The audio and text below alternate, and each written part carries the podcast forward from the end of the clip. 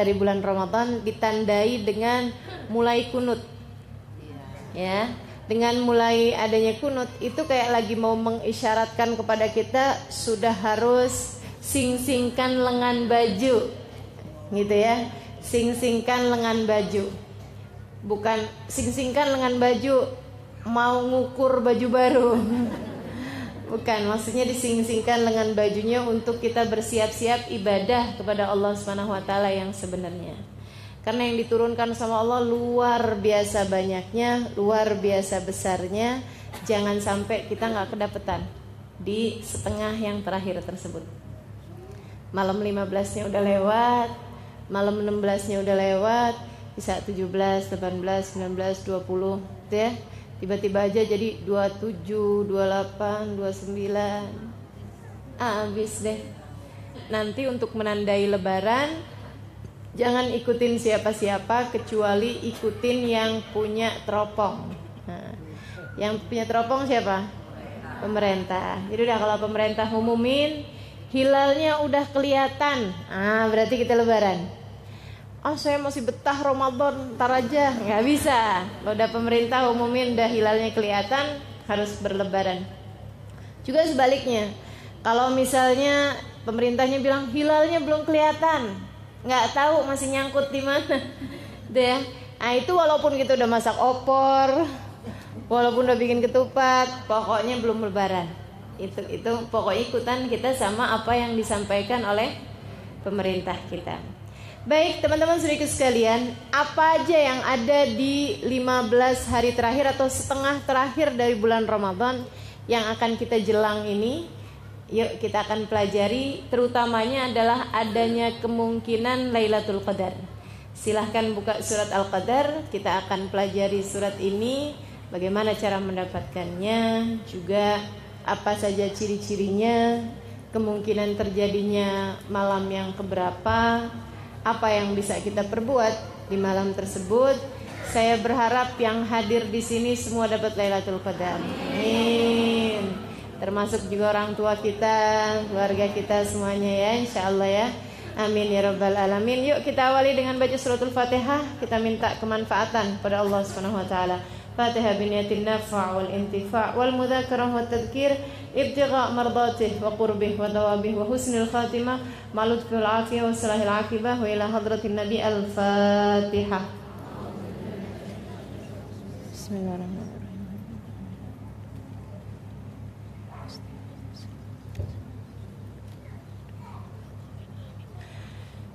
أشهد أن لا إله إلا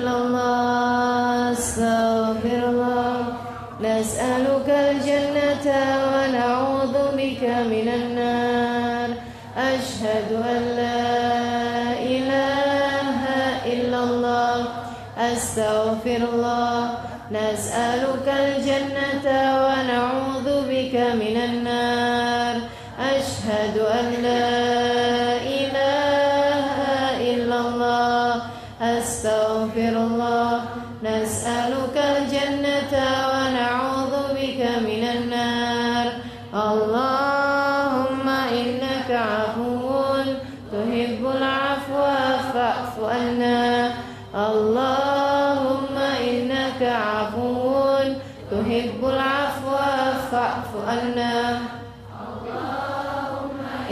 إنك عفو تحب العفو فاعف عنا يا كريم. أعوذ بالله من الشيطان الرجيم. بسم الله الرحمن الرحيم. إنا أنزلناه في ليلة القدر. وما أدراك ما ليلة القدر؟ ليلة القدر خير من ألف شهر. خير من ألف شهر. تنزل الملائكة والروح فيها بإذن ربهم من كل أمر سلام هي حتى مطلع الفجر صدق الله العظيم وبلغ رسوله النبي الكريم ونحن على ذلك من الشاهدين والشاكرين والحمد لله رب العالمين Ya, sebelum kita pelajari maknanya satu-satu, kita akan baca bersama-sama surat ini. Semoga keberkahannya berhasil kita dapatkan dan semoga sekali lagi semua yang bacanya pada hari ini sama dengan keluarga kita dan semua orang-orang yang kita cintai layak untuk mendapatkan Lailatul Qadar nanti. Amin. A'udzu billahi minasyaitonir rajim. Bismillahirrahmanirrahim. Inna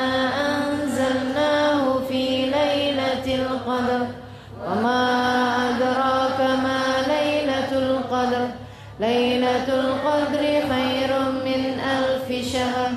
Tanazzalul malaikatu war-ruhu fiha بإذن ربهم من كل أمر سلام هي حتى مطلع الفجر صدق الله العظيم Bismillahirrahmanirrahim Surat Al-Qadr Artinya adalah kemuliaan Karena ada bahasa Qadr di ayat pertama Dan juga ayat kedua Dari uh, surat ini Suratnya terdiri dari lima ayat ya diturunkannya di kota Mekah. Di sini bilangnya Mekah ya. Salah satu suratnya yang diturunkan diturun di di kota Mekah. Teman-teman saya sekalian, uh, ada kaitannya nggak sama surat yang sebelumnya? Ada, karenanya di situ juga nggak bilangnya inna anzalnal Quran, akan tetapi bilangnya inna anzalnahu, inna anzalnahu. Sungguhnya kami menurunkannya. Apa yang diturunkan? Maksudnya di situ apaan? Al-Qur'an. Berdasarkan dari ayat surat yang sebelumnya yaitu surat Iqra. Bismillahirrahmanirrahim. khalaq khalaqal insana min 'alaq Iqra wa rabbukal akram alladzi 'allama bil qalam 'allamal insana ma lam ya'lam yang memang sedang bercerita tentang Al-Qur'an. Jadi teman-teman sekalian, uh, inna anzalna Sesungguhnya kami anzalna menurunkannya menurunkan Al-Qur'an fi Lailatul Qadar. Inna sesungguhnya kami kami siapa? Kami Allah. Kok bahasanya kami? Oke, baik. ini dengarkan dengan baik. Pertanyaan ini sering banget ditanyakan kepada para ulama-ulama ya. Jadi saya akan jawab jawabannya para ulama-ulama. Teman-teman sedikit sekalian saya muliakan. Kalau orang, orang nih, saya sendirian gitu. Boleh nggak saya ngomong kami? Boleh, nggak apa-apa. Iya nggak? Misalnya, silahkan mampir ke rumah kami. Padahal tinggalnya di rumah sendirian. Boleh nggak begitu? Boleh. Iya nggak gitu. Nanti hadir ya di majelis kami, misalnya. Saya yang ngomong, Nanti kalau saya kalau saya mengajar hadir ya di majelis kami misalnya. Hadir ya di hadir ya di kajian kami. Padahal saya sendirian. Boleh nggak kayak begitu? Boleh. Teman-teman sedikit sekalian yang saya muliakan, kami kalau di orang, kalau di manusia nih, kami penggunaan kata kami itu adalah untuk tawadu. Untuk tawadu, menunjukkan ketawaduan. Jadi kayak kayaknya ya, walaupun yang ngajar saya misalnya, kajian ini tidak akan terlaksana kecuali dengan adanya panitia, adanya tim dari pihak masjid, gitu kan ya. Jadinya bahasanya kemudian kajian kami. Kan gitu deh. Itu adalah untuk untuk tawaduknya diri sendiri, untuk tawaduk orang silahkan mampir di rumah kami hari uh, ini buku kami gitu ya. Padahal bukunya yang nulis dia nih. Tapi bahasanya pakai bahasa kami gitu. Kayak yang nulis banyak. Padahal sendiri ya. Itu adalah untuk menunjukkan tawadhu kalau kepada manusia. Kalau kepada Allah kami ini adalah li ta'zim nafsi li ta'zim nafsi untuk pengagungan diri sendiri.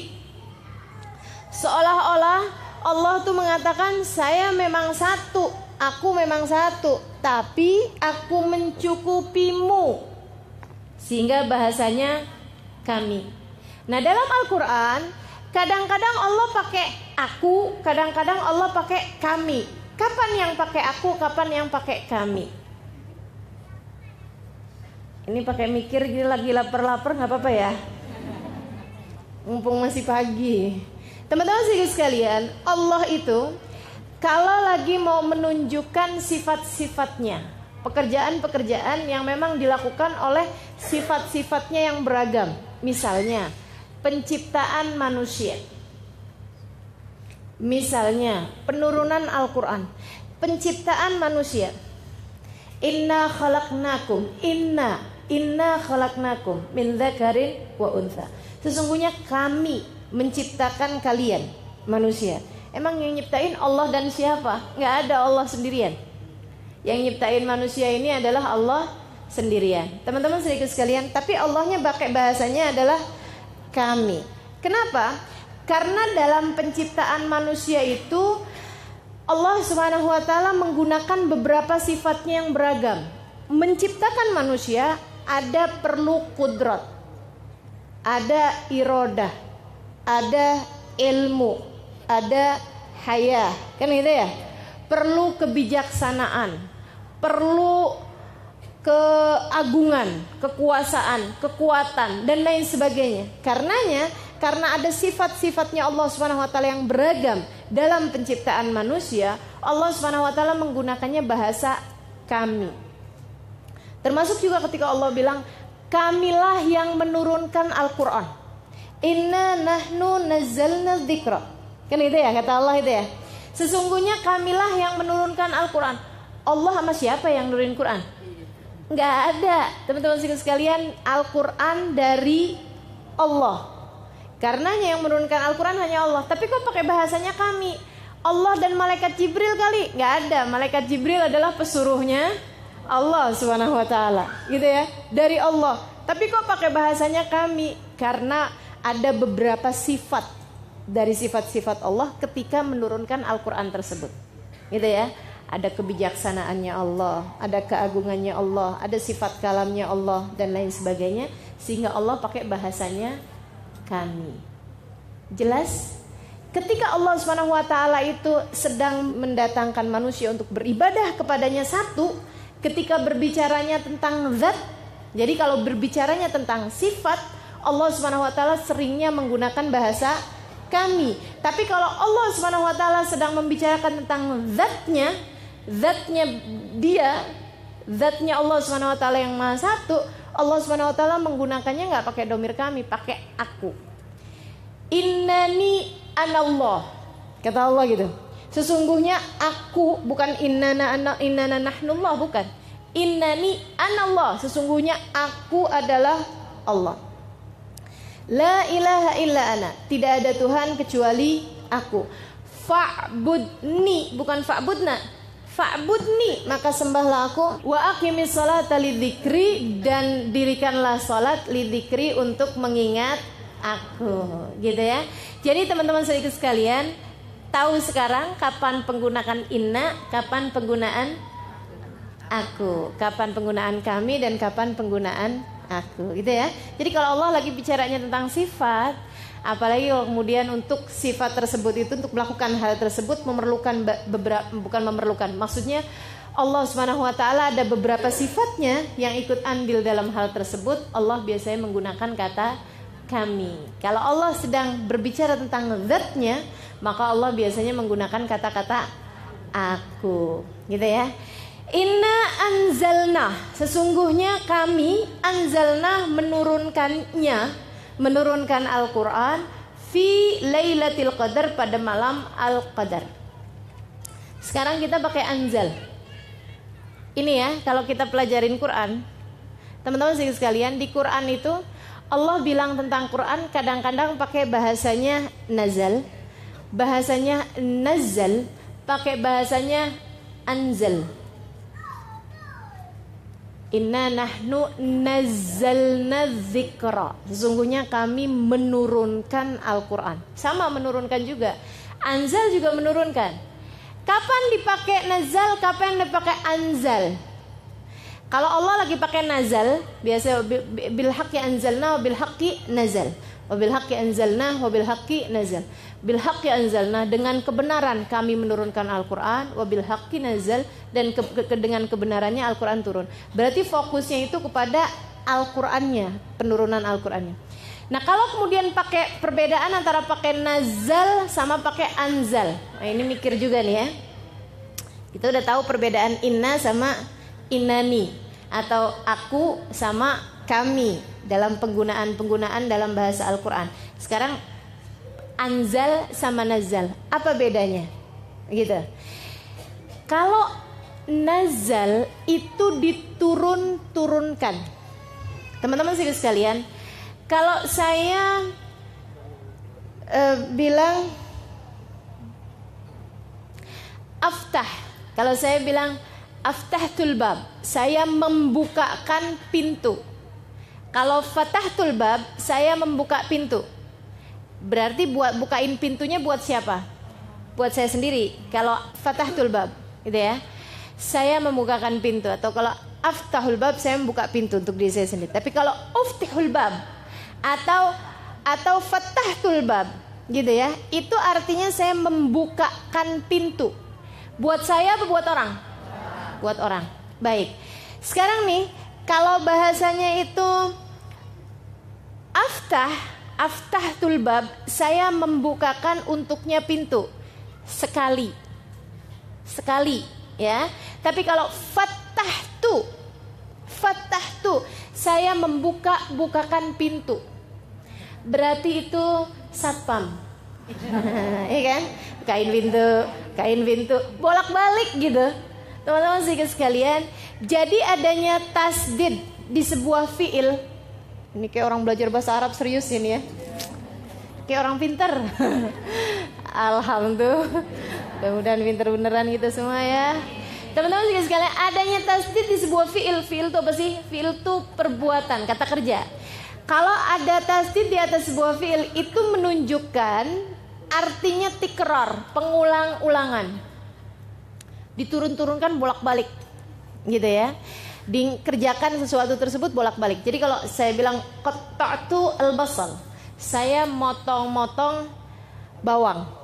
Gitu ya. Saya motong-motong bawang. Itu bahasanya bukan qata'tu bukan, tapi qata'tu potong-potong gitu ya pakai tasdid jadi kalau ada tasdidnya itu menunjukkan pengulang-ulangan kalau teman-teman baca nazal pakai tasdid inna nahnu nazal dzikra sesungguhnya kami yang menurunkan Al-Qur'an itu kalau pakai tasdid jadi artinya gini. Sesungguhnya kami yang menurun nurunkan Al-Qur'an.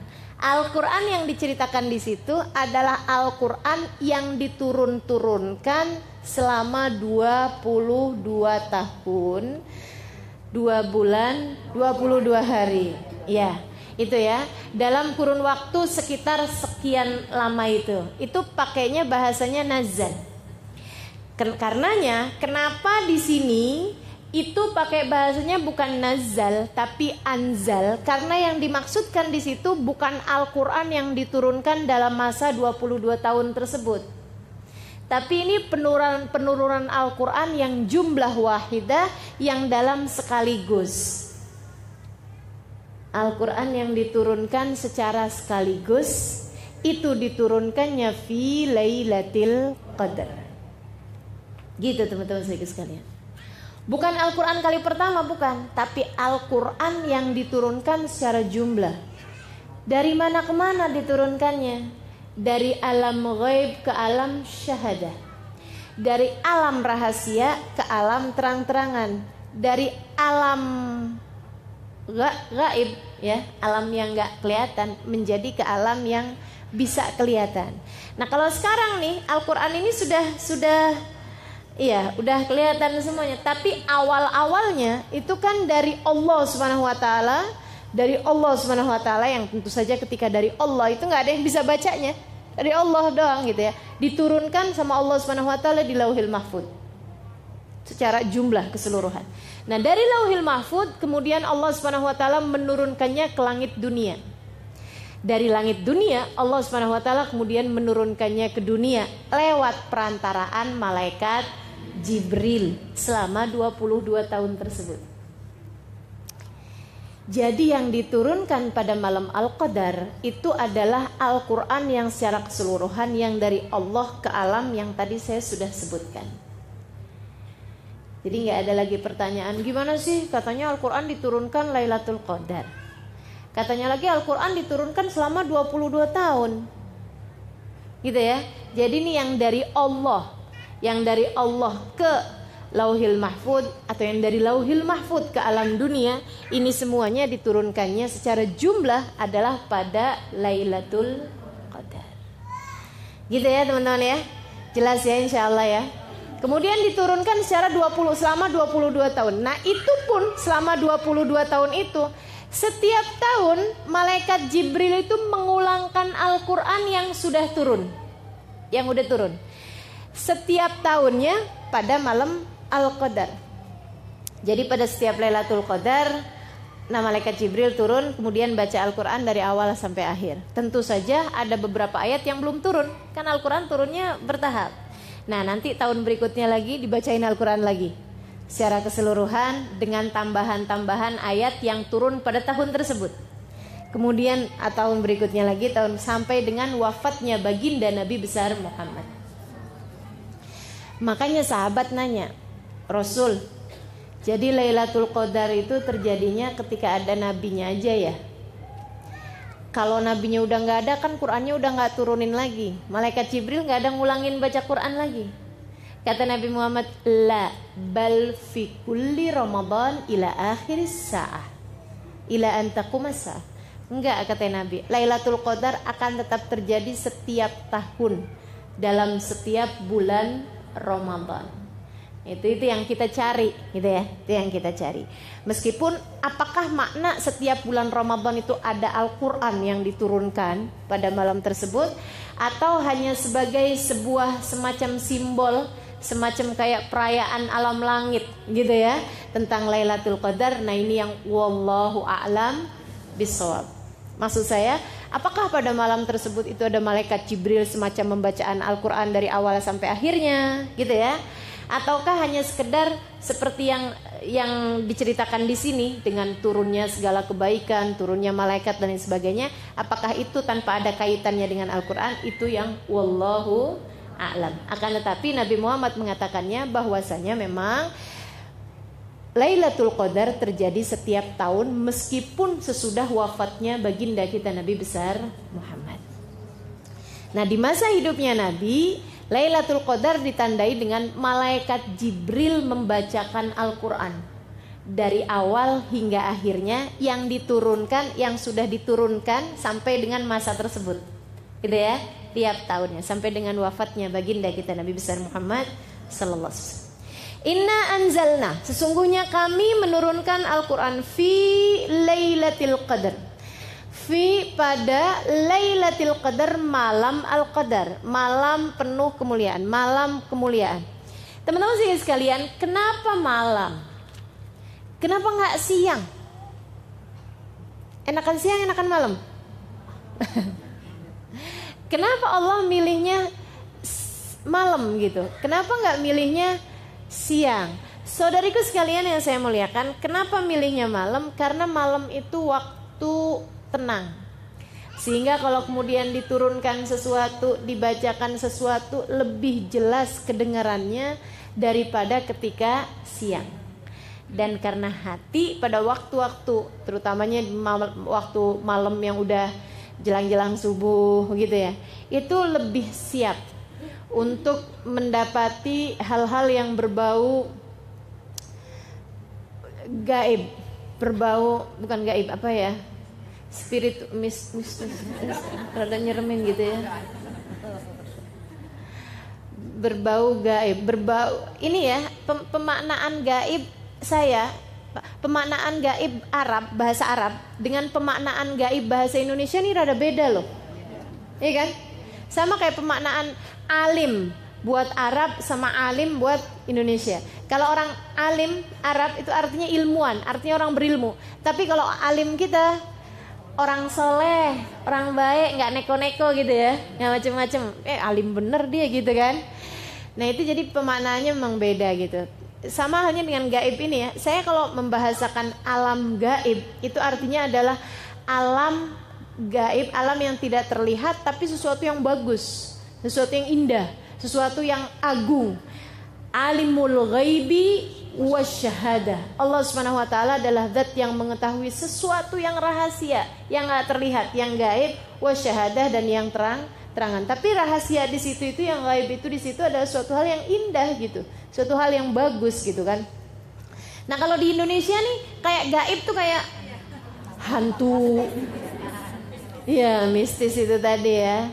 Baik, ini mau pakai istilah Arab apa istilah Indonesia? Arab aja, baik. Teman-teman sedikit sekalian, kenapa malam? Karena malam itu lebih tenang. Karena malam itu hati lebih layak nggak nggak ketemu orang, nggak ngobrol orang, nggak banyak orang kita uh, adep-adepan, sehingga nih hati ini lebih layak untuk diturunkan segala kebaikan-kebaikan yang tidak kasat mata. Jadi banyak hal-hal yang diturunkan dari hal-hal kebaikan, ilmu laduni, misalnya gitu ya. Apa tuh ilmu laduni? Ilmu yang nggak pakai belajar. Keterbukaannya ilmu futuh namanya, gitu ya. Kemudian ada lagi kewalian, kemuliaan yang Allah kasih, rizki-rizki batin, gitu ya. Sifat-sifat baik, gitu. Penerimaannya taubat dan lain sebagainya, itu banyak sekali yang diturunkannya pada waktu malam. Pada waktu malam. Makanya Allah menyebutkannya dengan waktu malam. Inna anzalnahu fi lailatul qadar. Teman-teman saya sekalian yang saya muliakan, ma'uqidatil wilayah illa fi jawfil lail. Katanya para ulama, tidak diberikan makom kewalian kecuali pada waktu malam. Jadi kalau yang sepanjang malamnya tidur, jangan ngerasa-ngerasa jangan-jangan saya waliullah. Yang ada wali wali murid ya. Ya Allah. Teman-teman sekalian gitu. Jadi diangkatnya para wali-wali itu adalah pada waktu malam. Termasuk juga walinya setan selain bulan Ramadan ya. Kan setan juga punya ulia. Punya wali-wali, punya kekasih-kekasih. Itu juga diangkatnya pada waktu malam. Makanya praktek-praktek dukun Emang siang-siang gitu? Nggak ada. Malam-malam pasti. Iya kan ya? Emang saya tahu. Nggak tahu saya cuman selalunya kan digambarkan memang pada waktu malam. Pada waktu malam itu mereka bikin-bikinnya tuh kan pakai asap-asap, pakai asap-asap yang busuk ya, bukan yang wangi ya. Kalau yang wangi itu malah justru mendatangkan malaikat rahmatnya Allah Subhanahu wa taala. Kayak gitu gitu. Jadi teman-teman serius sekalian, segala kebaikan, segala keburukan itu banyaknya hal-hal yang yang gaib, hal-hal yang tidak tampak mata, kebanyakannya pada waktu malam. Siapa yang pengen dapat kebaikan, silahkan bangun pada waktu malam. Gitu kan ya? Silahkan. Siapa yang pengen dapetin keburukan dengan berkawan dengan setan-setan dan jin-jin, itu ngelamar pekerjaannya juga pada waktu malam juga gitu. Cuman yang itu di kuburan, kalau yang itu di atas jadah ya insya Allah ya. Inna anzalnahu fi lailatul qadar. Sungguhnya kami turunkan Al-Qur'an fi lailatul qadar pada malam Al-Qadar. Teman-teman sih sekarang, masalahnya sekarang adalah bahwa malamnya menurut waktu mana? Nih nih. Soalnya kalau di, di kita sekarang sedang siang nih, di waktu yang sama nih ini nih sedang ada yang malam. Benar gak? Di Amerika sana lagi pada malam nih jam segini. Kan ada yang di Indonesia sama di jaraknya bedanya 12 jam ya. Berarti kita di, di kita jam 11 siang, di sana jam 11 malam gitu.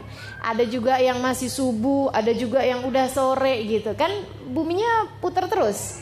Ini waktunya waktu ngikutin waktu mana nih? Lailatul Qadar nih ngikutin waktu mana nih? Teman-teman sekalian, kalau Lailatul Qadar di zamannya Nabi Muhammad alaihissalam, itu maka perhitungan Lailatul Qadarnya adalah mengikuti waktunya Nabi Muhammad yang diturunkan kepadanya Al-Qur'an. Gitu. Nah, malaikat Jibril nurunin bacain Al-Qur'an pada waktu malam. Malamnya siapa? Malamnya Nabi Muhammad sallallahu alaihi wasallam. Tapi yang sekarang-sekarang ini ada hilafiah di antara para ulama. Apakah malamnya itu mengikuti waktunya sana ataukah malamnya mengikuti waktunya kita? Ini banyak ulama mengatakan mengikuti waktunya orang yang mengerjakan ibadah tersebut karena karomnya Allah, kemuliaannya Allah adalah sangat luas. Jadi nggak usah, oh di sana nih belum malam nih, jadi ntaran aja, repot kita ya. Yang ada repot kita. Jadi ngikutin waktu malamnya masing-masing orang yang sedang beribadah di tempat tersebut. Inna anzalnahu fi lailatul qadr. Sungguhnya kami menurunkan Al-Qur'an pada malam kemuliaan. Wa ma adrak ma Lailatul Qadar? Tahukah kamu apa itu Lailatul Qadar? Tahukah kamu siapa kamunya yang di situ? Kita. Oh bukan, Nabi besar Muhammad sallallahu alaihi wasallam yang di, kepadanya diturunkannya Al-Qur'an. Tahu nggak kamu wahai Muhammad apa itu Lailatul Qadar?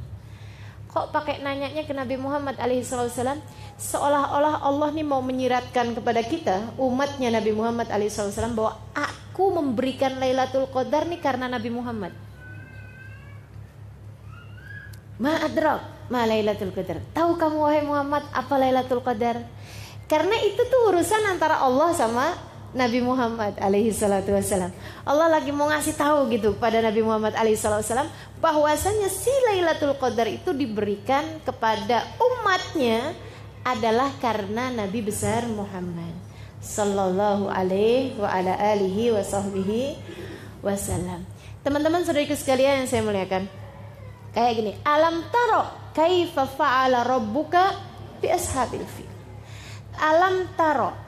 Tahukah kamu wahai Muhammad apa yang Allah perlakukan Tuhanmu perlakukan kepada ashabul fil. Itu Allah lagi mau ngasih tahu bahwa aku bikin Abroha, aku hancurkan dengan pasukan Ababil, itu karena di tahun tersebut kamu mau lahir. Teman-teman, tahu kan kau bahwa kejadian Abroha diserang sama burung Ababil waktu mau menghancurkan Ka'bah, itu kejadiannya hanya berselang sekitar 40 hari dari lahirnya Nabi Muhammad. Sehingga Nabi kalau ditanya kapan lahir pada tahun gajah di tahun yang sama. Hanya selang berapa waktu aja. Gitu. Karena memang itu Allah SWT berikan kepada Nabi Muhammad SAW. Alam taro, apakah kamu tidak melihat? Karena memang hal itu diberikan oleh Allah SWT karena Nabi Muhammad SAW. Demikian pula dengan Lailatul Qadar. Ma adrak ma Lailatul Qadar. Tahukah Muhammad apa itu Lailatul Qadar? Lailatul Qadri khairun min alfi syahr. Lailatul Qadar itu yang pertama lebih baik daripada seribu bulan. Kenapa diberikan kepada Nabi Muhammad? Karena Nabi Muhammad yang minta, meskipun secara tersirat, tidak tersurat.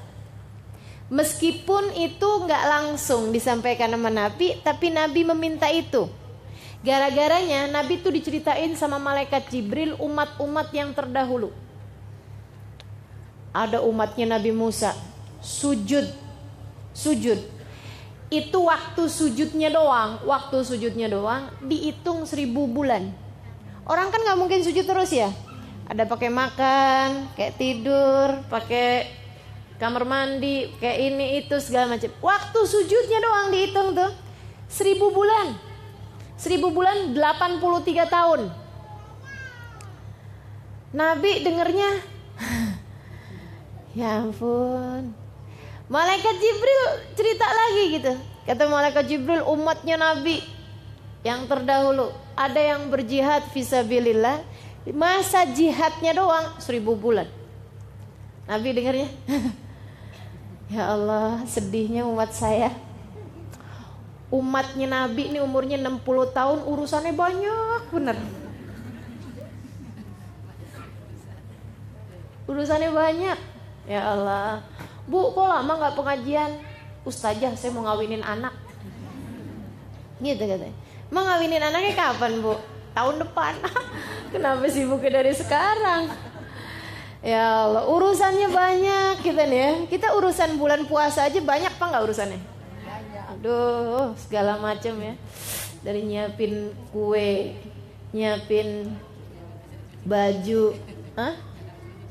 Iya benar aduh segala macam deh urusan luar biasa banyaknya gitu Padahal ini bulan yang kita udah khususkan buat ibadah. Segitunya aja urusan yang selain ibadah.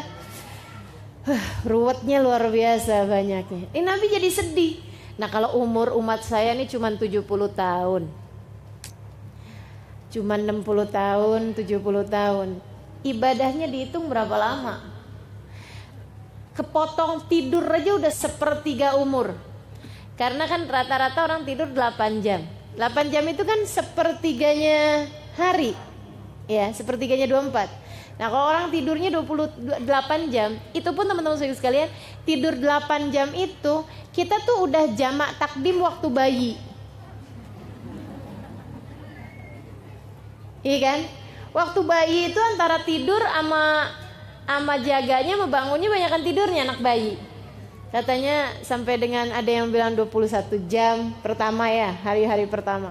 Habis itu kemudian menjadi 16 jam, kemudian menjadi 14 jam, menjadi 12 jam gitu dan seterusnya. Jadi kita udah takdim sebenarnya. Sebenarnya sekarang ini udah waktunya buat ngurang-ngurangin. Karena udah kepotong waktu bayi itu.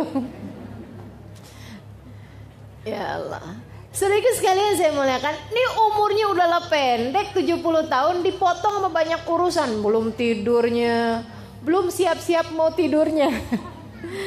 Belum makannya belum ininya ya Allah. Waktu ada umatnya Nabi Musa nih Nabi Musa lewatin lewatin jalan udah kelihatan perempuan lagi nangisin kuburan Ya Allah, ya Allah nangis. Nabi Musa samperin, Bu kenapa nangis? Anak saya meninggal Nabi Musa. Lagi sehat-sehatnya, lagi seger-segernya. Umur berapa tahun? 60 tahun. Kalau umur orang tersebut itu sampai 500 tahun, 800 tahun, kan 60 tahun lagi seger-segernya. Bener gak? Lagi seger-segernya gitu.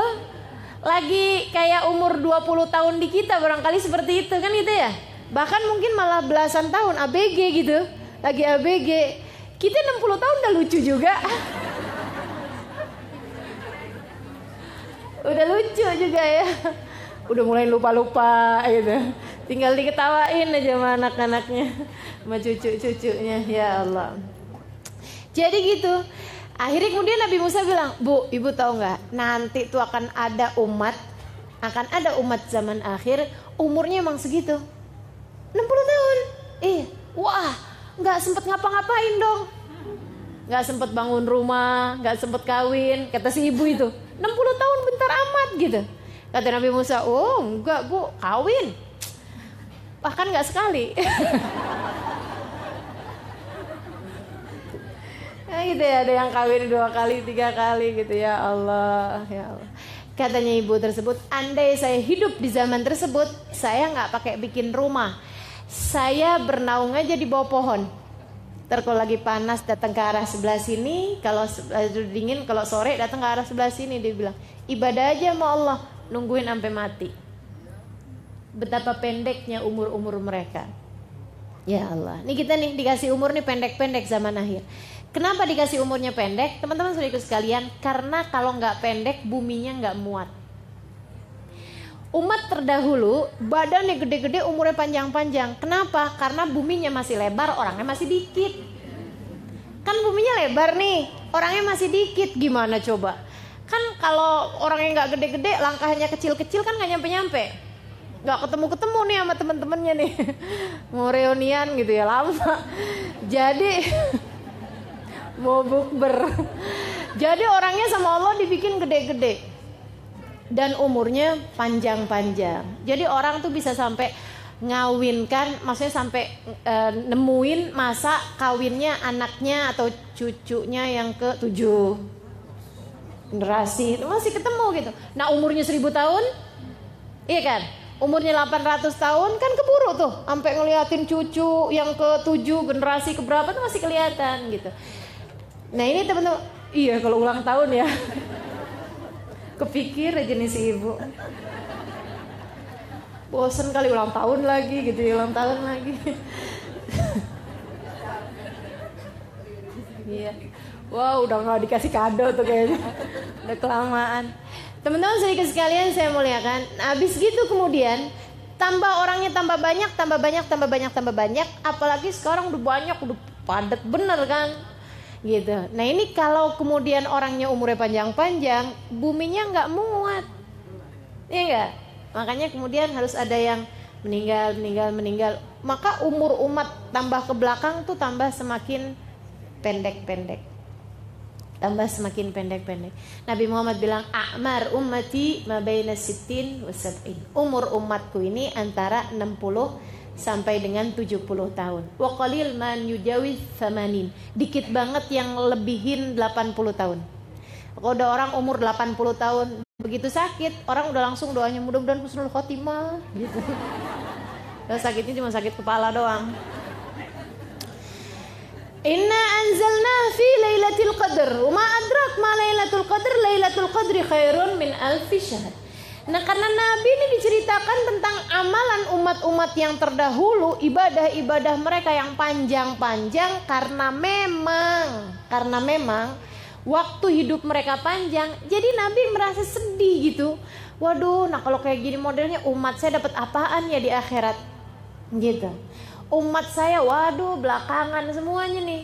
Balasan-balasan Allah buat mereka nih yang kecil-kecil nih Allah tuh teman-teman sedikit sekalian nggak bisa lihat Nabi Muhammad sedih nih ya kalau orang taat kepada Allah Subhanahu Wa Taala Allah tuh bisa begitu Allah tidak bisa melihatmu sedih kalau kita berada dalam jalan taat kalau kita berada dalam jalan takwa pada Allah Subhanahu Wa Taala Allah tidak bisa melihat air mata kesedihan jatuh dari pipimu. Kenapa kamu? Oh, jahatin sama siapa? Ma itu. Oh, ah, gitu. Gitu ya, dihindarkannya kita dari segala hal yang membuat kita sedih. Tapi kalau kitanya jalan taat kita nggak tempuh, ya mau gimana? Ini Nabi Muhammad alaihissalam jalan taat terus. Jadi Allah ngelihatnya, kenapa Muhammad sedih? Umur umat saya pendek-pendek, ya Allah Oh, tenang. Bukan umurnya kemudian dipanjang-panjangin, bukan. Akan tetapi Allah kemudian melipat gandakan amal sehingga Allah mengatakan Lailatul Qadri khairun min alfi syahr. Sesungguhnya malam Al-Qadar itu lebih baik daripada seribu bulan. Artinya siapa yang ibadah di situ seperti beribadah 83 tahun alias seribu bulan.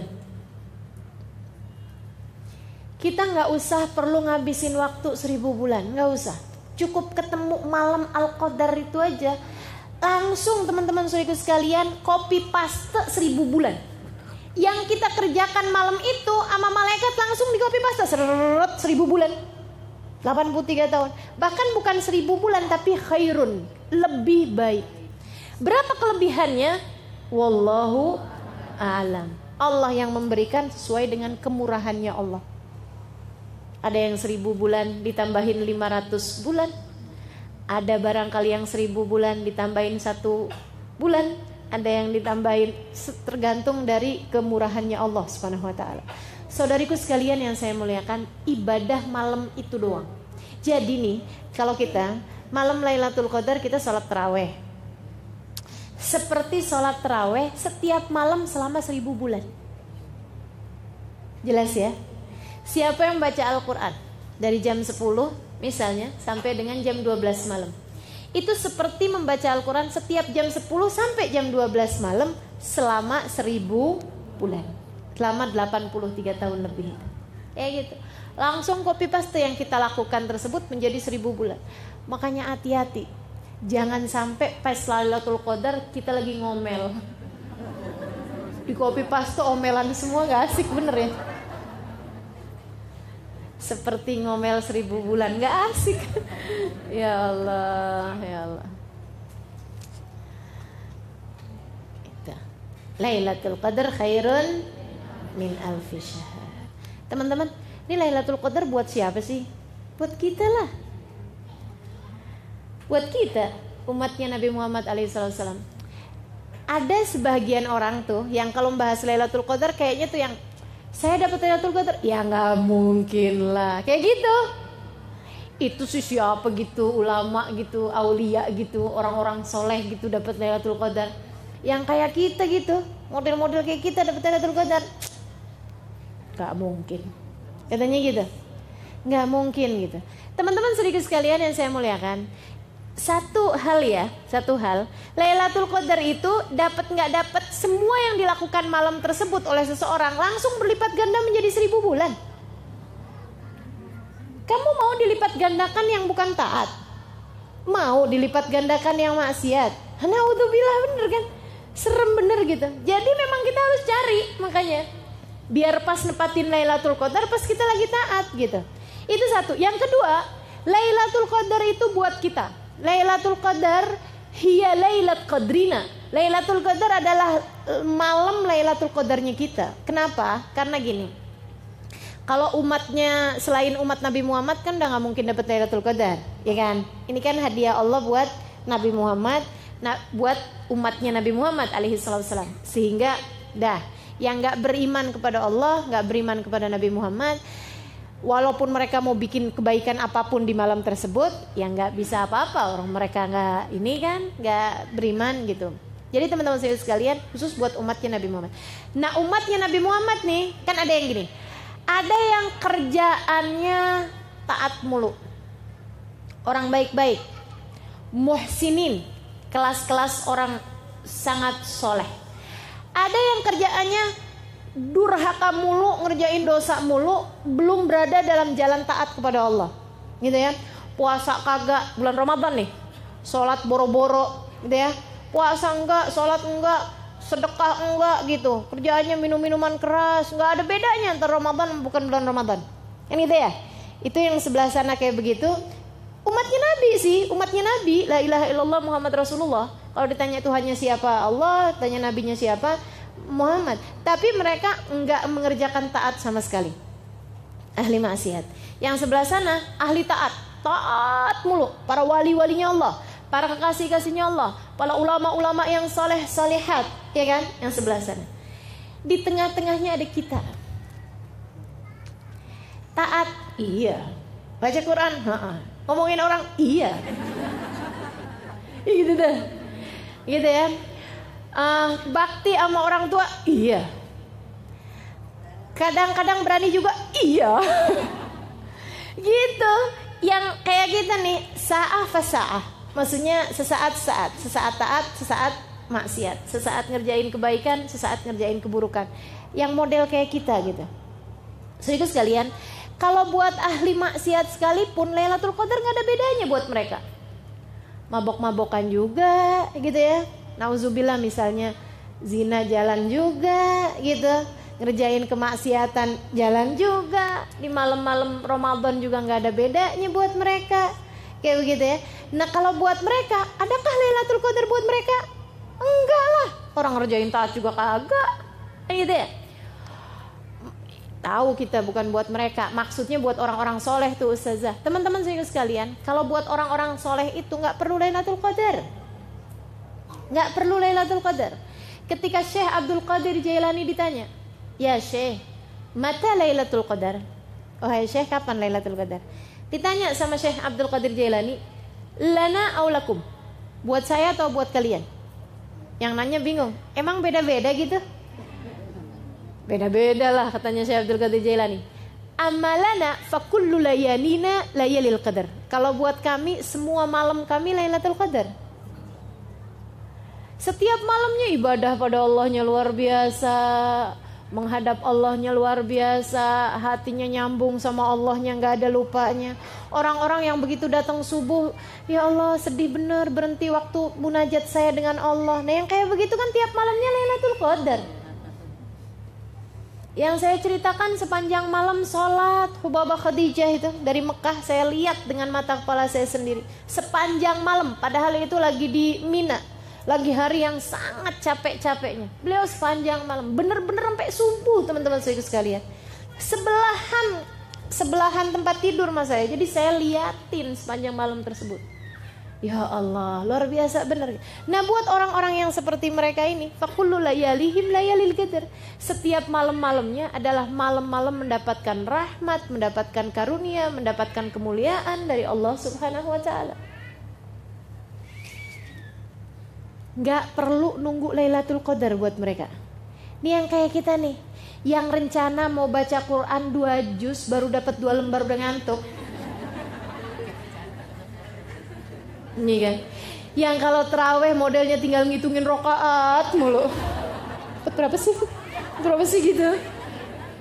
Yang kalau teraweh nyarinya kalau nggak yang paling dikit rokaatnya, kalau nggak yang paling cepet bacanya. Nih yang model-model kayak kita nih teman-teman perlu Lailatul Qadar. Istilah katanya nih ya, istilah katanya nih ya, ini kayak semacam mall. Nih ceritanya nih. Kita nih tiap hari dari dari rumah kita pergi ke tempat kerja ngelewatin satu mall, satu toko, satu toko besar mall gitu ya kita tuh setiap lewat dari etalasenya tuh kita liatin barang-barang bagus-bagus bener tapi harganya gila Andai kita lihat sendal sepatu 10 juta. Gaji berapa bulan tuh ya? Kan gitu ya. Teman-teman sekalian tiap hari kita lihat ya ampun tuh kerudungan kayaknya halus bagus gitu ya. Tapi kita liatin harganya ya ampun gitu 500 ribu. Ya udah deh mendingan buat beli pempes punya anak kecil soalnya ke sekalian jadi ini kita ngelihat barang-barang di situ bagus-bagus cakep-cakep tapi mahalnya naudzubillah. Gitu kan? Sehingga setiap lewatnya cuman kepengenan aja kepengenan aja gitu. Satu hari mereka ada tulis. Ada kasih tulisan. Big sale. Pada tanggal gitu ya. Sekian jam sekian sampai jam sekian. Misalnya tanggal 24 Juni. Sehari sebelum lebaran. Gitu ya 24 Juni. Jamnya jam 11 malam sampai dengan jam 11.30 malam. Setengah jam doang. Setengah jam doang. Diskon. Diskonnya teman-teman sekalian yang asalnya harganya 10 juta menjadi 10 ribu. Kan saya cuma bilang. Ada tuh susah nggak ada. Nggak ada. Langsung nanya di mana saja. Dasar perempuan ya. Teman-teman sih sekalian, yang asalnya harganya berapa gitu jadi berapa gitu. Murahnya tuh sampai turunnya 10 kali lipat. Turun harganya 10 kali lipat. Ini kita langsung akan yang, oh ya, hari itu saya ngapain? Oh, rencananya mau mudik, nggak jadi batal mudik, gitu ya? Atau apa pun gitu, kita akan usahakan apa pun yang hari-hari itu kita akan datengin tempat tersebut karena kita pikir kalau hari-hari biasa orang-orang kaya itu nggak usah pakai nungguin jam itu, mereka emang bisa kebeli mahal-mahal gitu, ada duitnya. Nah orang-orang kaya kita nih, kan gitu ya? Yang sekalian nggak pernah tertarik sih nggak masalah. Cuman yang kayak saya nih yang setiap lewat kepengen, tiap lewat kepengen kan gitu ya. Ya ampun, cuman itu kesempatannya. Ngantri-ngantri deh. Kalau perlu ngantri dari beberapa jam sebelumnya. Gitu ya.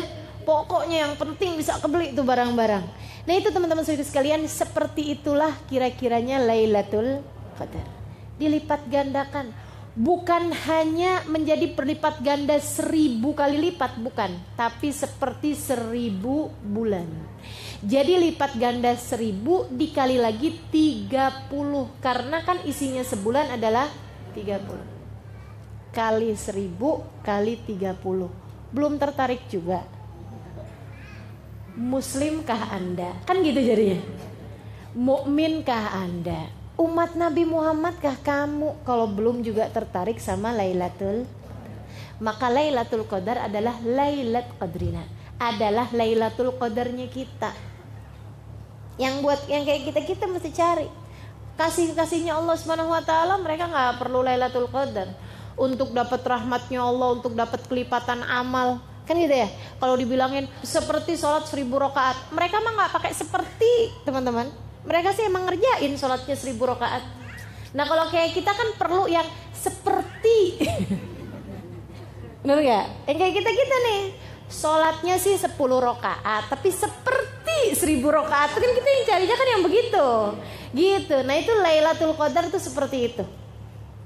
Seperti beribadah seribu bulan. Insya Insya Allah Lailatul Qadri khairun min alfi syahr. Itu aja belum.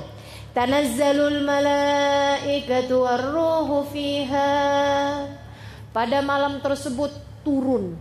Wow. Tanazzalul malaikah ay tatanazzalul malaikah. Maksudnya turun daf'atan ba'da ukhra, rombongan demi rombongan malaikat.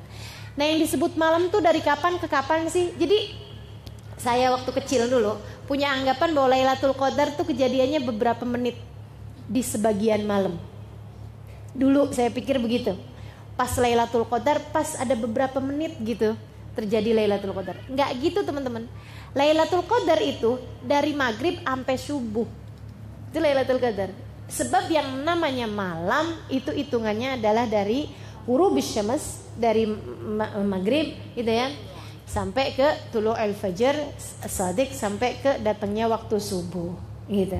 Yang kita nggak puasain tuh itu namanya malam. Tumma atim musyama ilal lail. Kemudian sempurnakanlah puasa kalian dari pagi itu dari terbit fajar sampai ke malam. Kapan malam? Yaitu maghrib itu adalah waktunya malam sampai ke datangnya waktu subuh. Itu terjadi Lailatul Qadar sepanjang malam. Apa aja yang terjadi pada malam tersebut? Amal ibadah langsung berlipat ganda. Ditandainya dengan apa? Tanazzalul malaika. Tanazzal turun rombongan demi rombongan para malaikat. Jadi dari awal maghrib tuh durut, malaikat turun, durut, malaikat turun, malaikat turun. Terus aja gitu, ampe sayapnya malaikat, kepak-kepak sayap malaikat, kabarnya susun-susun dari langit bumi ini sampai ke batasan yang tidak ada habisnya. Sayyidina Ali meriwayatkan dari hadisnya Nabi Muhammad alaihi salam katanya katanya Nabi malaikat itu sampai yadur baina sufufil muslimin sampai uh, desek-desekan jumlahnya malaikat itu sampai desek-desekan di antara soft-softnya orang Islam. Jadi ini kalau ada sholat terawih pas malam Lailatul Qadar yang hadir seribu orangnya. Malaikatnya bisa 3000 5000 gitu. Sampai desek-desekan malaikatnya menghadiri sholat tersebut. Bukan mau sholat bukan. Cuman mau hadirin menyaksikan orang-orang yang sholat.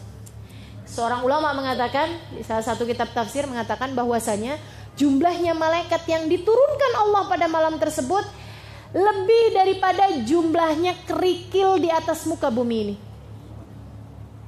Keadadil hasal seperti jumlahnya kerikil yang ada di atas muka bumi ini. Berapa banyak? Waduh, banyaknya luar biasa. Tanazzalul malaikatu. Wah. Mereka jadi saksi siapa aja yang ibadah pada malam tersebut. Jadi kalau di malam itu ini mingkuli amrin kata Allah. Waruh, waruh dan malaikat Jibril ikutan turun juga. Ada juga yang mengatakan ruh itu nama malaikat, ada nama malaikat namanya malaikat ar-ruh. Gitu ya.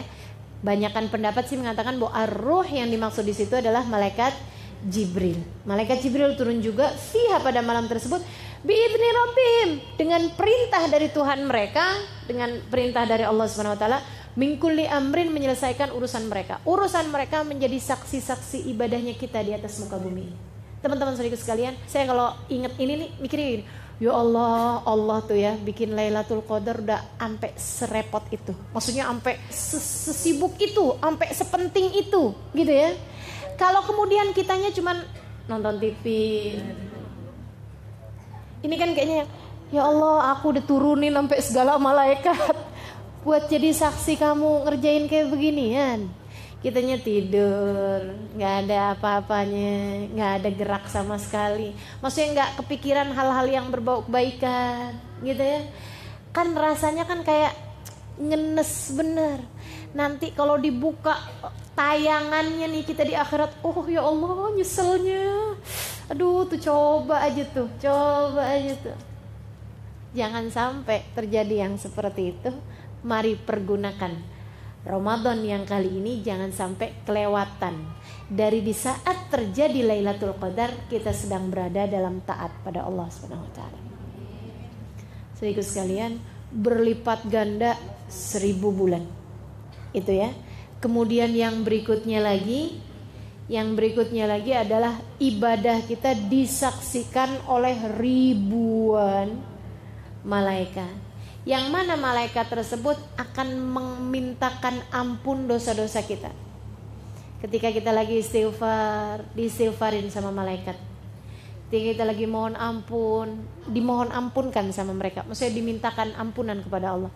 Ketika kita sedang meminta hajat-hajat kita, diaminkan doa-doa kita oleh mereka. Para malaikat-malaikatnya Allah yang jumlahnya sangat banyak tersebut itu.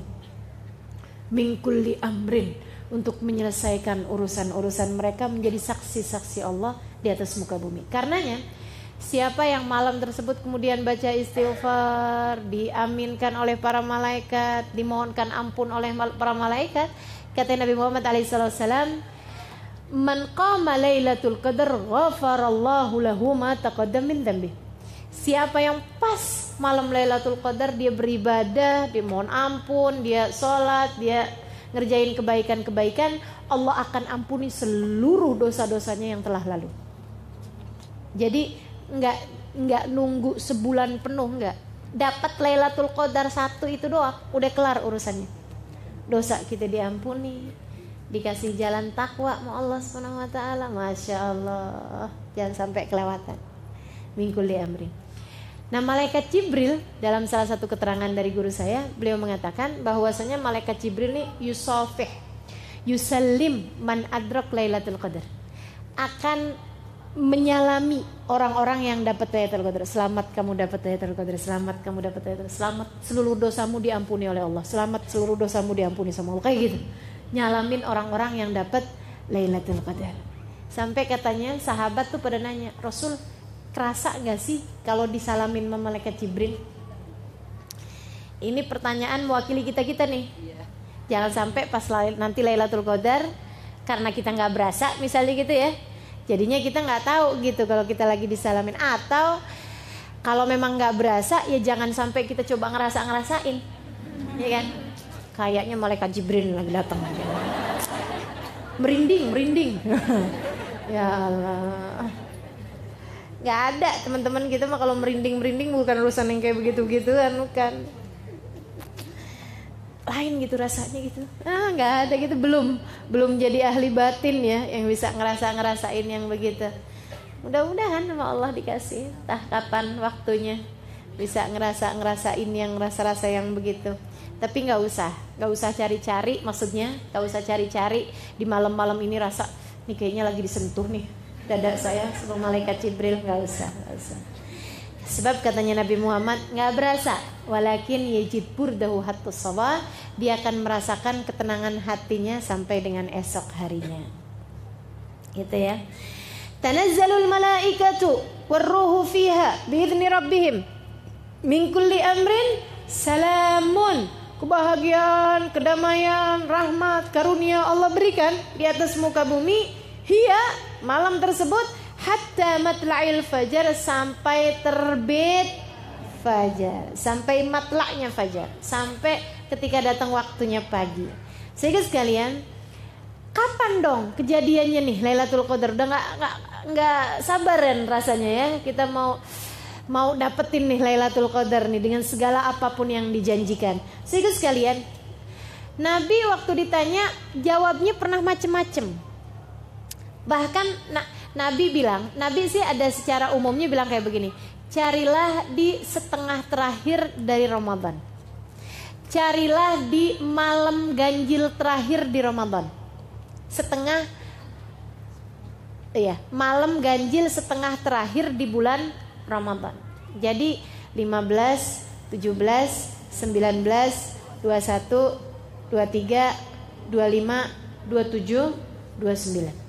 Teman-teman sekalian, ada lagi hadis yang mengatakan katanya Nabi Muhammad, carilah.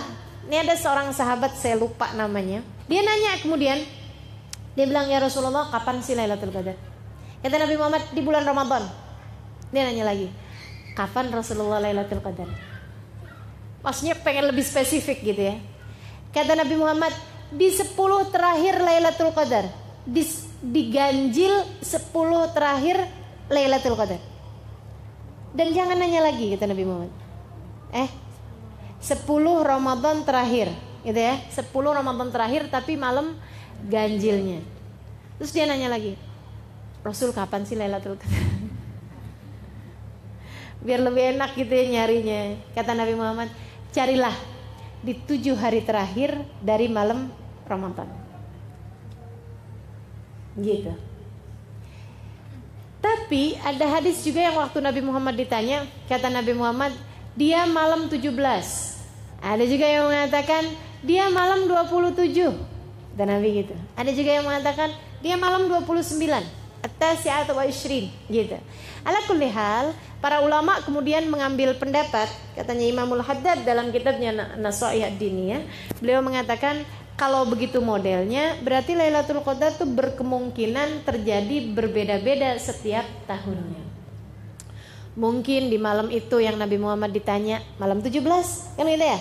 Mungkin sudahnya itu Nabi Muhammad tanya malam 27 akan tetapi kemungkinan terbesarnya terjadi adalah pada salah satu dari lima ganjil terakhir di bulan Ramadan 21, 23, 27, 25 eh 25, 27, 29 udah segitu aja tuh. Kan gampang bener gampang bener. Apalagi kalau ngelihat hadis yang terakhir saya bawakan tadi tujuh hari, tujuh hari terakhir di bulan Ramadan yang ganjilnya berarti kan 23 25 27 29 sisa 4 malam aja. Gampang bener. Gitu ya nyarinya. Udah aja empat malam apa ruginya sih teman-teman kalau kita ibadahin? Toh juga ibadah andai pun bukan Lailatul Qadar nggak pernah juga memberi kerugian kepada kita. Gitu ya? Aduh nyesel nih udah ibadah-ibadah tadi malam ternyata bukan Lailatul Qadar. Nggak mungkin kejadian gitu. Yang ada kejadiannya ya ampun jadi Lailatul Qadar tuh ya Allah nyeselnya. Kan gitu yang ada. Gitu ya? Jadi teman-teman hanya nyari satu dari lima itu kan berarti perbandingannya hanya 20% sangat besar kemungkinannya cari itu atau misalnya yang 25% nih yang 23, 25, 27 29. Jadi ini dari mulai 21 kali ini nih Lailatul Qadar. Gitu ya. Nanti yang 23 kayaknya ini Lailatul Qadar. Lihatnya agak-agak lebih adem daripada biasanya. Ya. Malam 25 gitu ya. Anginnya ini nih sepoi-sepoi. Malam 27 Oh, ulama bilang Lailatul Qadar kebanyakan kejadiannya malam 27 kata Habib Ali Habsyi paling banyak terjadi Lailatul Qadar pada malam 27. Malam 29 kesempatan terakhir jangan sampai kelewatan. Gitu, teman-teman. Jadi kita nyarinya mesti kayak gitu. Jangan yang dibalik malam 21 terlalu awal. Malam 23 gerah. Malam 25 kayaknya anginnya tiupnya lebih kenceng. Nggak mungkin kayaknya. Malam 27 kok gerimis ya? Malam 29 hujan gede. Iya kapan tuh Lailatul Qadarnya dan nggak usah nyari-nyari yang fisik-fisik kayak begitu fisik kayak gitu ya udah aja langsung meskipun memang kalau ditanyakan adakah ciri-cirinya secara fisik ada dan disampaikan oleh Nabi Muhammad alaihissalam katanya Nabi Muhammad salah satu cirinya Salah satu cirinya adalah bahwa bulannya tuh kelihatan lebih terang daripada biasanya. Bolehlah kita lihat-lihat nanti ya. Bulannya kan nggak penuh karena kan sudah lewat dari tanggal 15. Itu kan tanggal-tanggal 21, 23, 25, 27, apalagi 29 mungkin malah nggak ada nggak udah ini ya udah tipis banget bulannya. Tapi tuh kalau misalnya tanggalnya yang masih ada bulannya kayak 23, 25 kan masih ada bulan walaupun kecil itu bulannya tuh kayak terang banget gitu. Salah satu ciri fisiknya ya. Kemudian yang berikutnya lebih dingin daripada biasanya kalau lagi panas. Jadi kalau pas lagi kenanya lagi musim panas kayak sekarang kita nih kan, kan panas tuh gerah. Nah kalau ada hari yang ding, lebih dingin gitu, ini kayaknya malam ini lebih dingin. Bukan mah kata anaknya, AC-nya udah saya dinginin. Kemudian yang ketiganya adalah kalau ada angin, anginnya itu tiupnya nggak kenceng, maksudnya spoi-spoi kayak gitu, gitu ya. Itu salah satu dari ciri-cirinya Lailatul Qadar. Kemudian lagi yang terakhirnya malah justru kelihatan besok paginya. Dan ini sepakat. Ada banyak hadis yang mengatakan hal yang sama. Jadi kelihatan besok paginya saat matahari terbit laisa fiha syu'a masih male, si mataharinya terbitnya enggak punya cahaya. mataharinya tuh terbitnya tuh kayak iya sendu gitu ya. Kayak mendung-mendung tapi nggak mendung gitu. Kayak nggak kelihatan bentuk mataharinya bulat tuh nggak gitu. Temaram gitu. Itu pagi-pagi saat matahari terbit. Sampai entaran jam berapa? Jam 9 jam 10 baru kelihatan terang. Kayak gitu. Kenapa? Kenapa? Nabi nggak nerangin kenapa tapi saya pernah dapat keterangan dari guru saya. Kenapa mataharinya itu tidak terlihat terang ke bumi karena cahaya matahari tertutup dengan kepak-kepak sayap malaikat yang kembali naik ke atas langit. Ya Allah, kalau aja kita bisa lihat, tapi kita nggak usah cari lihat, ya, nggak usah kepengen lihat, kayak apa nih? Jangan juga cari-cari. Siapa tahu saya kapan-kapan bisa lihat kepak-kepak sayap malaikat, gitu. Nah, itu ya. Kalau itu kejadiannya misalnya malam ah, malam 21 tadi malam, pagi-paginya udah kayak begitu. Jangan jadiin putus asa. Oh berarti tadi malam udah ya, ya udah deh kalau gitu nggak usah ibadah lagi. Nggak gitu, jangan, jangan. Siapa tahu itu mendung biasa. Siapa tahu itu memang mataharinya kayak begitu ntar liatin lagi ntar jangan-jangan ada lagi yang kayak gitu. Gitu kan? Jadi tetaplah beribadah. Toh juga hanya mencari satu dari lima malam. Yang kalaupun bukan Lailatul Qadar kita juga tidak akan menyesal karena memang memberdirikan 10 malam yang terakhir adalah merupakan ibadah yang selalu dilakukan oleh baginda kita Nabi Muhammad alaihi wasallam dan juga 10 hari yang terakhir tersebut berisi tiket-tiket bebas dari api neraka. Semoga kita berhasil mendapatkannya. Amin ya rabbal alamin. Asyhadu an la ilaha illallah. Nas'aluka al-jannata wa na'udzu bika minan nar. Asyhadu an la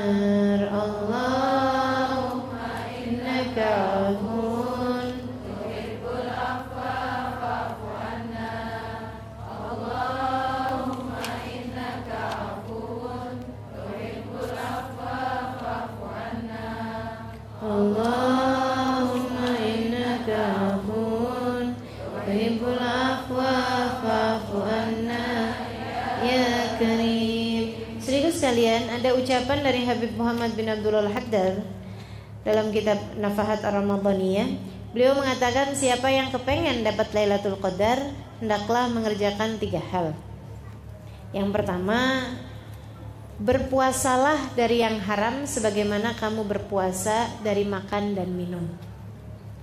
Puasamu buat bukan hanya sekedar dari makan dan minum belaka, akan tetapi puasa juga dari semua yang diharamkan Allah Subhanahu wa taala.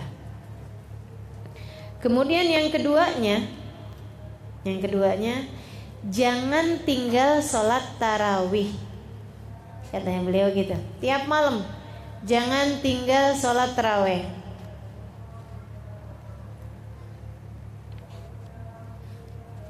Karena sholat tarawih adalah qiyam qiyam qiyam Ramadan. Dan Uh, maksudnya kalau kalau terawihnya nggak ditinggal ya insya Allah insya Allah ketika Lailatul Qadar nah itu kan berarti dia sudah termasuk di antara yang menghidupkan malam tersebut dengan ibadah.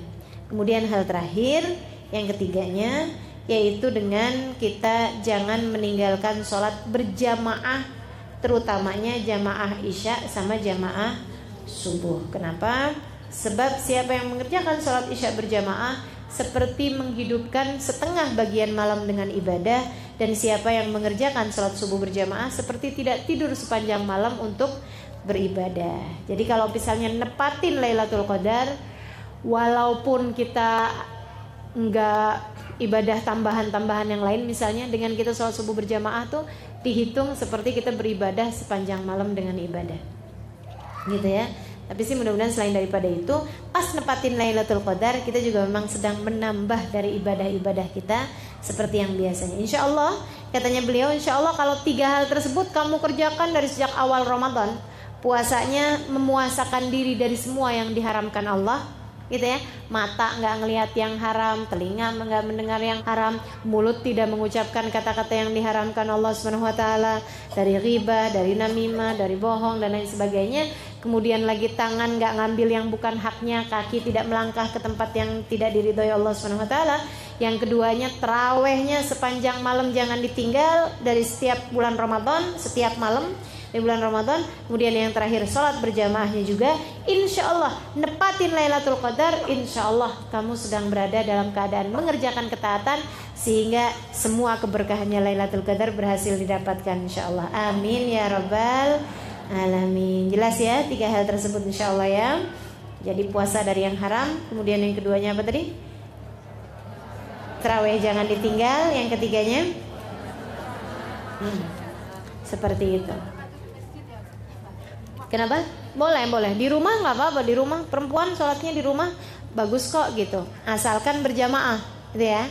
Usahakan selama bulan Ramadan ini jangan tinggal jamaah, terutamanya jamaah isya dan jamaah subuh, gitu ya.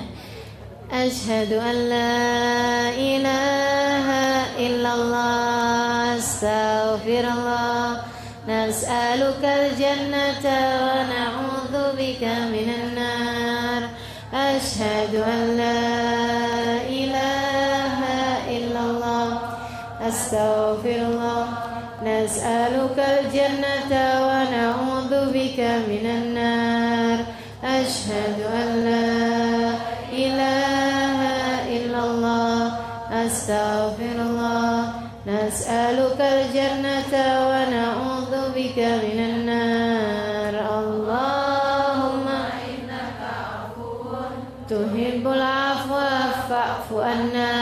اللهم إنك عفو تحب العفو فاعف عنا. اللهم إنك عفو تحب العفو فاعف عنا ya Karim hal terakhir yang harus saya sampaikan teman-teman saudara sekalian uh, dua hal yang pertama perbanyak di malam yang berkemungkinan Lailatul Qadar gitu ya. Ini udah masuk nih malam-malam yang ada kemungkinan Lailatul Qadar dan nanti malam dan seterusnya. Itu perbanyak membaca istighfar, terutama yang diajarkan oleh Nabi yang saya baca tadi. Allahumma innaka afun tuhibbul afwa fa'fu anna. Ya Allah, Engkau adalah zat yang Maha Pengampun, Engkau suka terhadap ampunan. Fa'fu anna, Engkau suka terhadap maaf memaafkan. Fa'fu anna, maka maafkanlah kami. Gitu ya.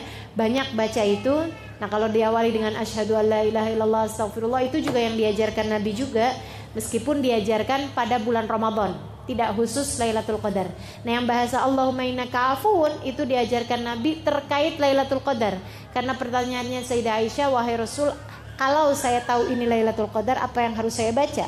Nabi Muhammad mengatakan bacalah wahai Aisyah Allahumma innaka afuun tuhibbul afwa fa'fun perbanyak membaca istighfar, membaca zikiran yang tadi saya baca, yang tadi kita baca bareng-bareng di malam-malam yang berkemungkinan terjadi Lailatul Qadar. Begitu disambut sama malaikat yang kemudian mengatakan, "Ya Allah, iya ya Allah, ampunilah dia." Kelar urusan dosa kita gitu ya.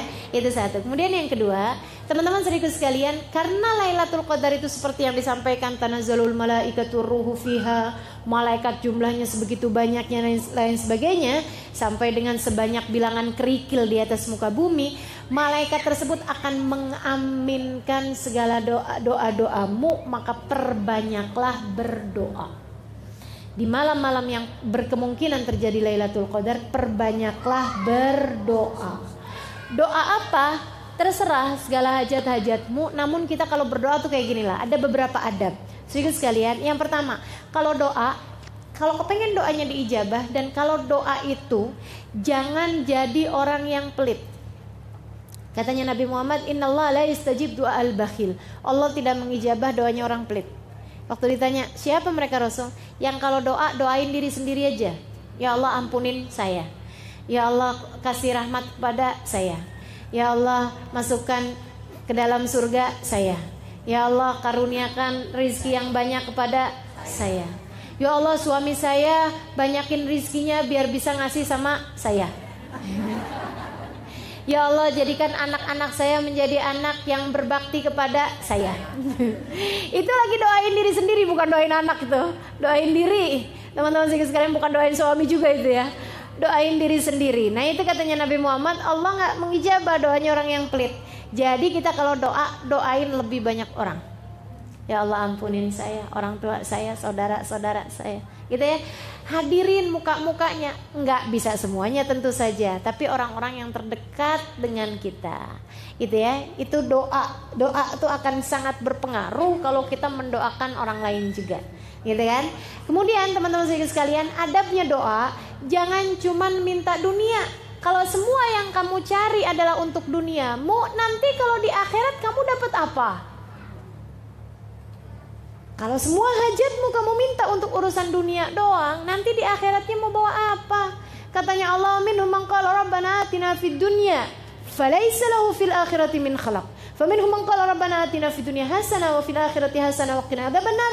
Ulaika lahum nasibum mimma kasabu wallahu sari'ul hisab. Kata Allah di antara hambaku ada orang yang kalau doa ya Allah kasih saya di dunia begini, begini, begini, dunia aja yang dia minta. Yang kayak begini kata Allah, laisa lahu fil akhirati min khalaq. Enggak punya jatah apa-apa kalau datang di negeri akhirat. Hmm, seremnya. Enggak punya jatah apa pun di akhiratnya. Terus gimana doanya? Wa minhum kata Allah nih yang pinter nih. Doa minta dunia, doa minta akhirat, doa minta dihindarkan dari api neraka. Untuk mereka Allah akan mudah ketika memberi ijabah dan balasan dari Allah adalah sangat sangat cepat. Yuk teman-teman di Lailatul Qadar banyakin berdoa segenap hajat-hajat. Jangan lupa masukkan saya dalam doamu. Ini ceritanya modus ya. Nyampein ini yang paling terakhir biar didoain. Kalau lagi Lailatul Qadar. Ini ada pertanyaan penting nih. Assalamualaikum Ustazah, saya mau tanya amalan atau ibadah apa yang bisa dilakukan agar dapat Lailatul Qadar tapi kita sedang dalam keadaan menstruasi.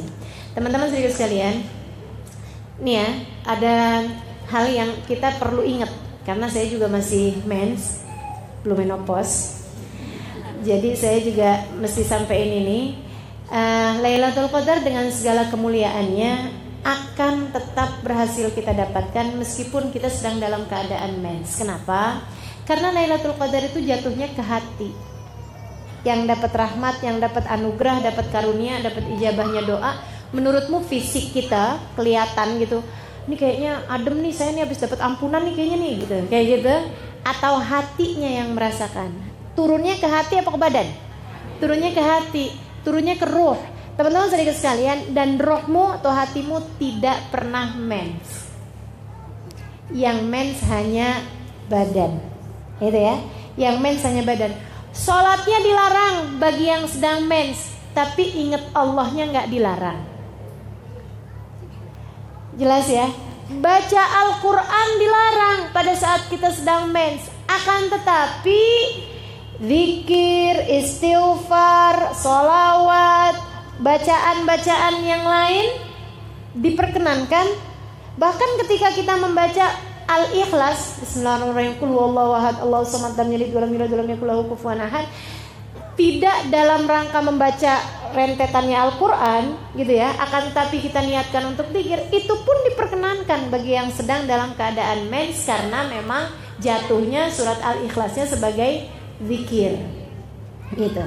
Jadi sekali lagi hati kita nggak pernah mens Alhamdulillah. Maka semua yang diturunkan pada Lailatul Qadar bisa kita dapatkan. Caranya dengan hatimu buat.